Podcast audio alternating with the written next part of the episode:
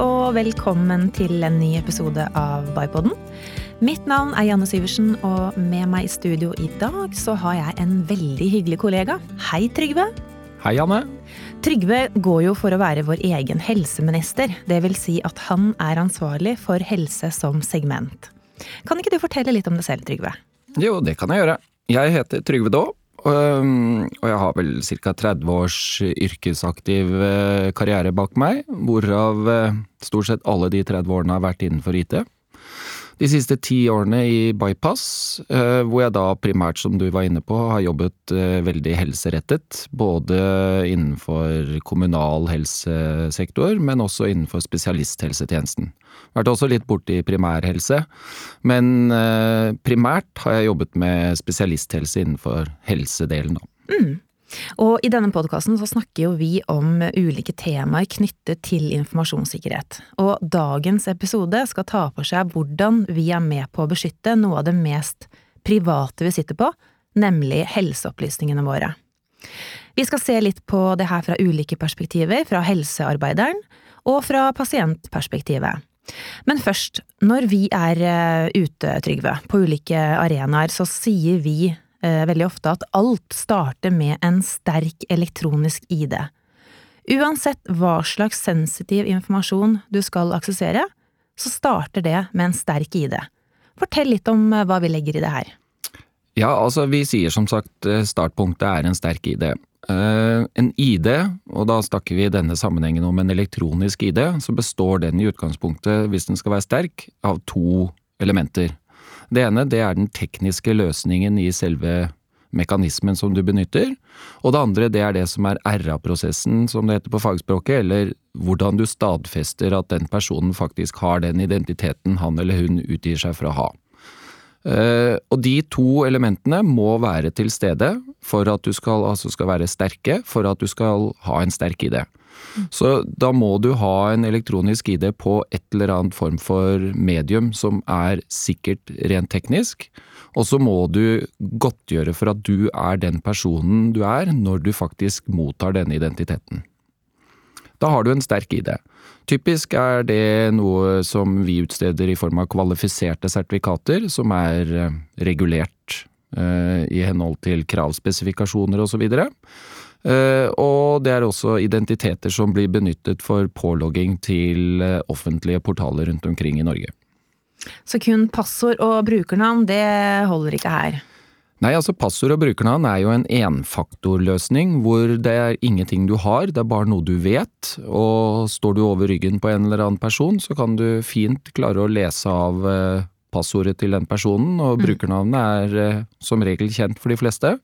Så da kan du i utgangspunktet stjele identiteten til en annen bare ved å bruke brukernavnet og passordet til den personen. Mm.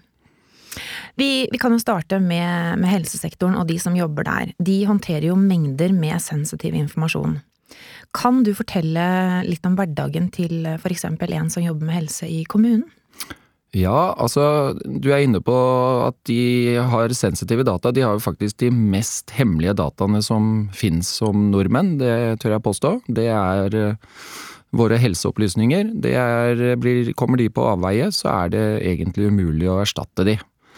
Eh, penger eksempel er mulig å erstatte, og det er ikke sensitivt. Personlige opplysninger som ikke skal ut, er de på avveie, så er de uerstattelige. Så det er ekstremt viktig at personer som opererer innenfor med tilgang til den type informasjon, gjør det med sensitive, sikre løsninger. Og hvis du kan tenke deg da en kommunalt ansatt, som du nå var inne på, da. Mm. Eh, så er det sånn at når, når en eh, som jobber innenfor helsesektoren i eh, kommunal sektor kommer på jobb, så skal de jo skru på PC-en sin hvis de sitter på en personlig PC, og når de da trykker på på-knappen, så blir de promptet om å slå inn brukernavn og passordet sitt for å logge på operativsystemet.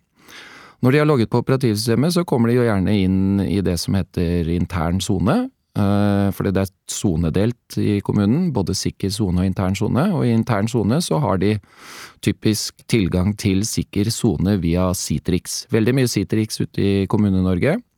Da kan de klikke på Citrix-ikonet som eh, er på skjermen, og da blir de promptet om brukernavn og passord igjen. Nå er det noen kommuner som faktisk har single sign-on, altså direkte tilgang inn etter at de har trykket på Citrix, men veldig mange har det ikke. Da skal de inn med brukernavn og passord for andre gang, og det er ikke synkronisert med førstegangsbrukernavn og passord for øvrig. Mm.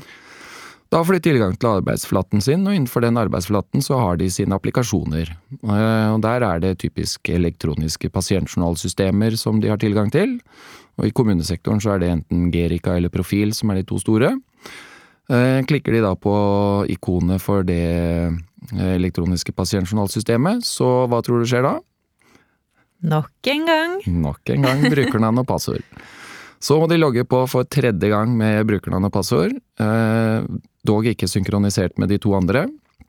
Eh, og allerede nå er vi ute og kjører rent sikkerhetsmessig. Mm. For en menneskelig hjerne å sitte og huske tre forskjellige passord som skifter til forskjellige tider, det kan man faktisk ikke påregne at man skal kunne. Spesielt ikke når man har vært på ferier osv. Det høres veldig tungvint ut. Ja. Men så kommer jo det spennende, vet du, fordi innenfor dette elektroniske pasientjournalsystemet så vil de etter hvert få tilgang til det som heter kjernejournal. Og Kjernejournal er jo en sammenslutning av alle helseopplysninger som blir aggregert opp i et felles journalsystem som eh, Helsedirektoratet, eller E-helsedirektoratet, har ansvaret for. Og da er det slik at det vil blinke om kort tid, vil det blinke en knapp innenfor dette elektroniske pasientjournalsystemet som sier at når du er inne på en person, og det finnes noe informasjon i kjernejournal, så vil det lyse på den knappen. Mm. Hvis du da klikker på den, så spør jeg ofte de kommuneansatte hva tror du skjer da? Åh, oh, må jeg inn med brukernavn og passord igjen, da? Mm. Nei, da må du faktisk ikke det. Fordi kjernejournal krever høysikkerhetspåloggingsmekanisme på det som heter nivå fire i dag, som er det høyeste nivået du kommer. Og det er typisk frem med et kvalifisert sertifikat på et smartkort mm. fra Bypass, og så må du logge på med det sertifikatet. Og da er det jo veldig mange som uh, føler seg ganske oppgitt over at de først tre ganger bruker de passord, og så skal de fremme kvalifisert sertifikat for å logge seg på. Og så er det jo noen som spør kan vi ikke bare snu opp ned på hele den prosessen, da? Mm. Og logge på med det kvalifiserte sertifikatet, eller et sertifikat først, og så ha single sign-on helt inn. Og det er det vi i Bypass driver og jobber med, um, og som vi har realisert flere steder, da. Mm. Ja, og vi snakker jo ofte om autorisasjon og autentisering, og det her er jo to forskjellige ting. Men det jeg vil frem til, det er jo hvem er det som har tilgang til pasientdataene? Og da kommer jo etikken inn i bildet, og hvordan kan vi vite at en lege eller sykepleier for eksempel ikke snoker i journalene? Nei, det er ikke veldig enkelt å vite det. Eh, spesielt ikke innenfor de systemene hvor det ikke er gode loggemekanismer. Eh, nå er det jo mange kommuner og, og sykehus osv. som bruker ganske mye midler på loggsystemer og analysesystemer i forhold til hvem som aksesserer hva. Men så kan jo spørsmålet bli om det faktisk er den personen som har logget seg inn eller ikke. En ren juridisk eh, diskusjon i forhold til hvis jeg er på ferie og noen har brukt mitt passord for å logge på, så kan ikke de komme og påstå at det faktisk er meg som har gjort det. Men hvordan styrer vi tilgangen til dataene da? Da kommer du inn på det feltet som heter gjerne IAM-systemer, da. Altså Identity and Access Management-systemer. Og det finnes det mange forskjellige systemer av, og er et eget fagfelt i seg selv. Det er viktig for uh, Bypass sitt vedkommende å samarbeide med disse IAM-leverandørene, i og med at I-en i IAM er det vi som kommer med i form av en sterk ID. Mm.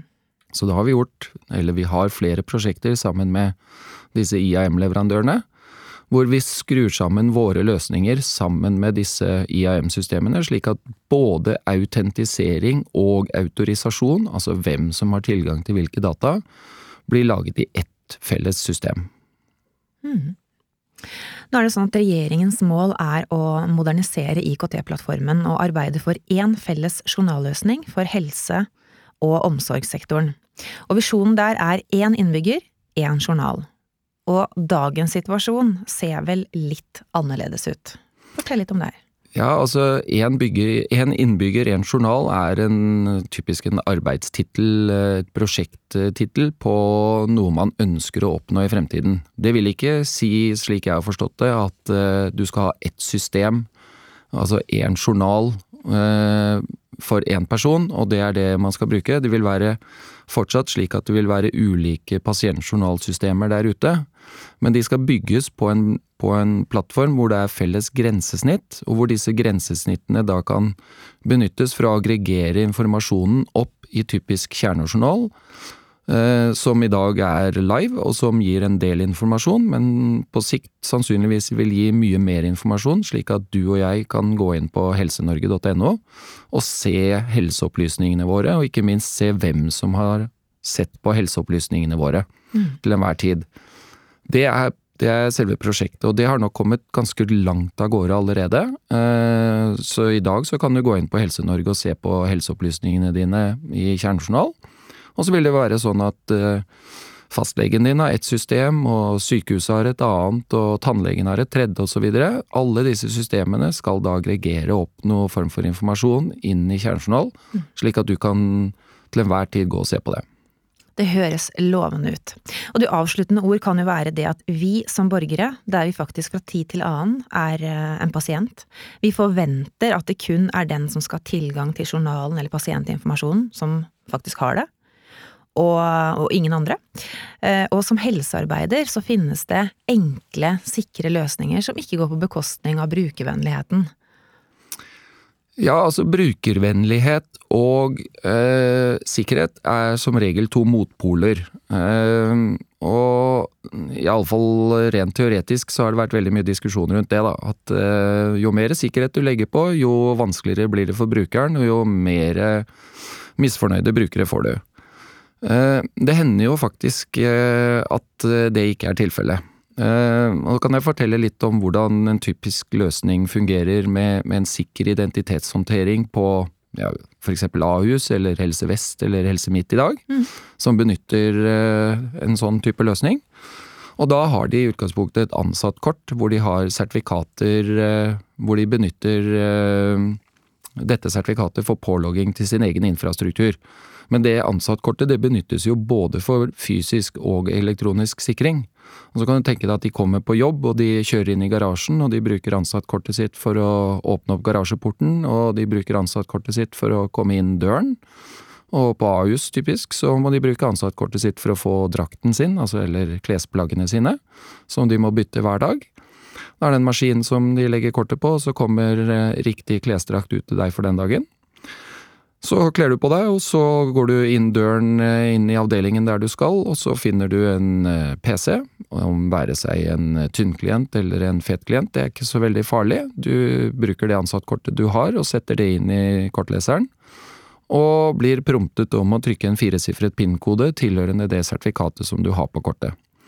Når du da trykker PIN-koden, så får du i utgangspunktet da, hvis det er satt opp riktig, så får du single sign-on gjennom hele verdikjeden i sykehuset, og helt inn i det elektroniske pasientjournalsystemet. Så da har du én pålogging med ett firesifret PIN-kode for eh, bruk eh, til absolutt alle elektroniske tjenester. Mm. Det samme sertifikatet kan du for øvrig signere e-resepter med dersom du er lege og skal gjøre det.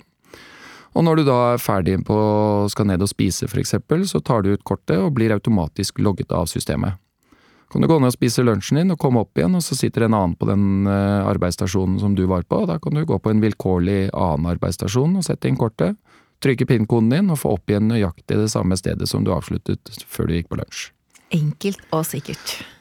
Absolutt, og det er en mye enklere, spør du meg, eh, hverdag enn hva brukernavn og passord og, og, den type ting som eh, noen opererer med fortsatt er. Mm. Og så er det sånn at det er en vesentlig sikrere løsning, i og med at du ikke går fra arbeidsstasjonen din ulåst.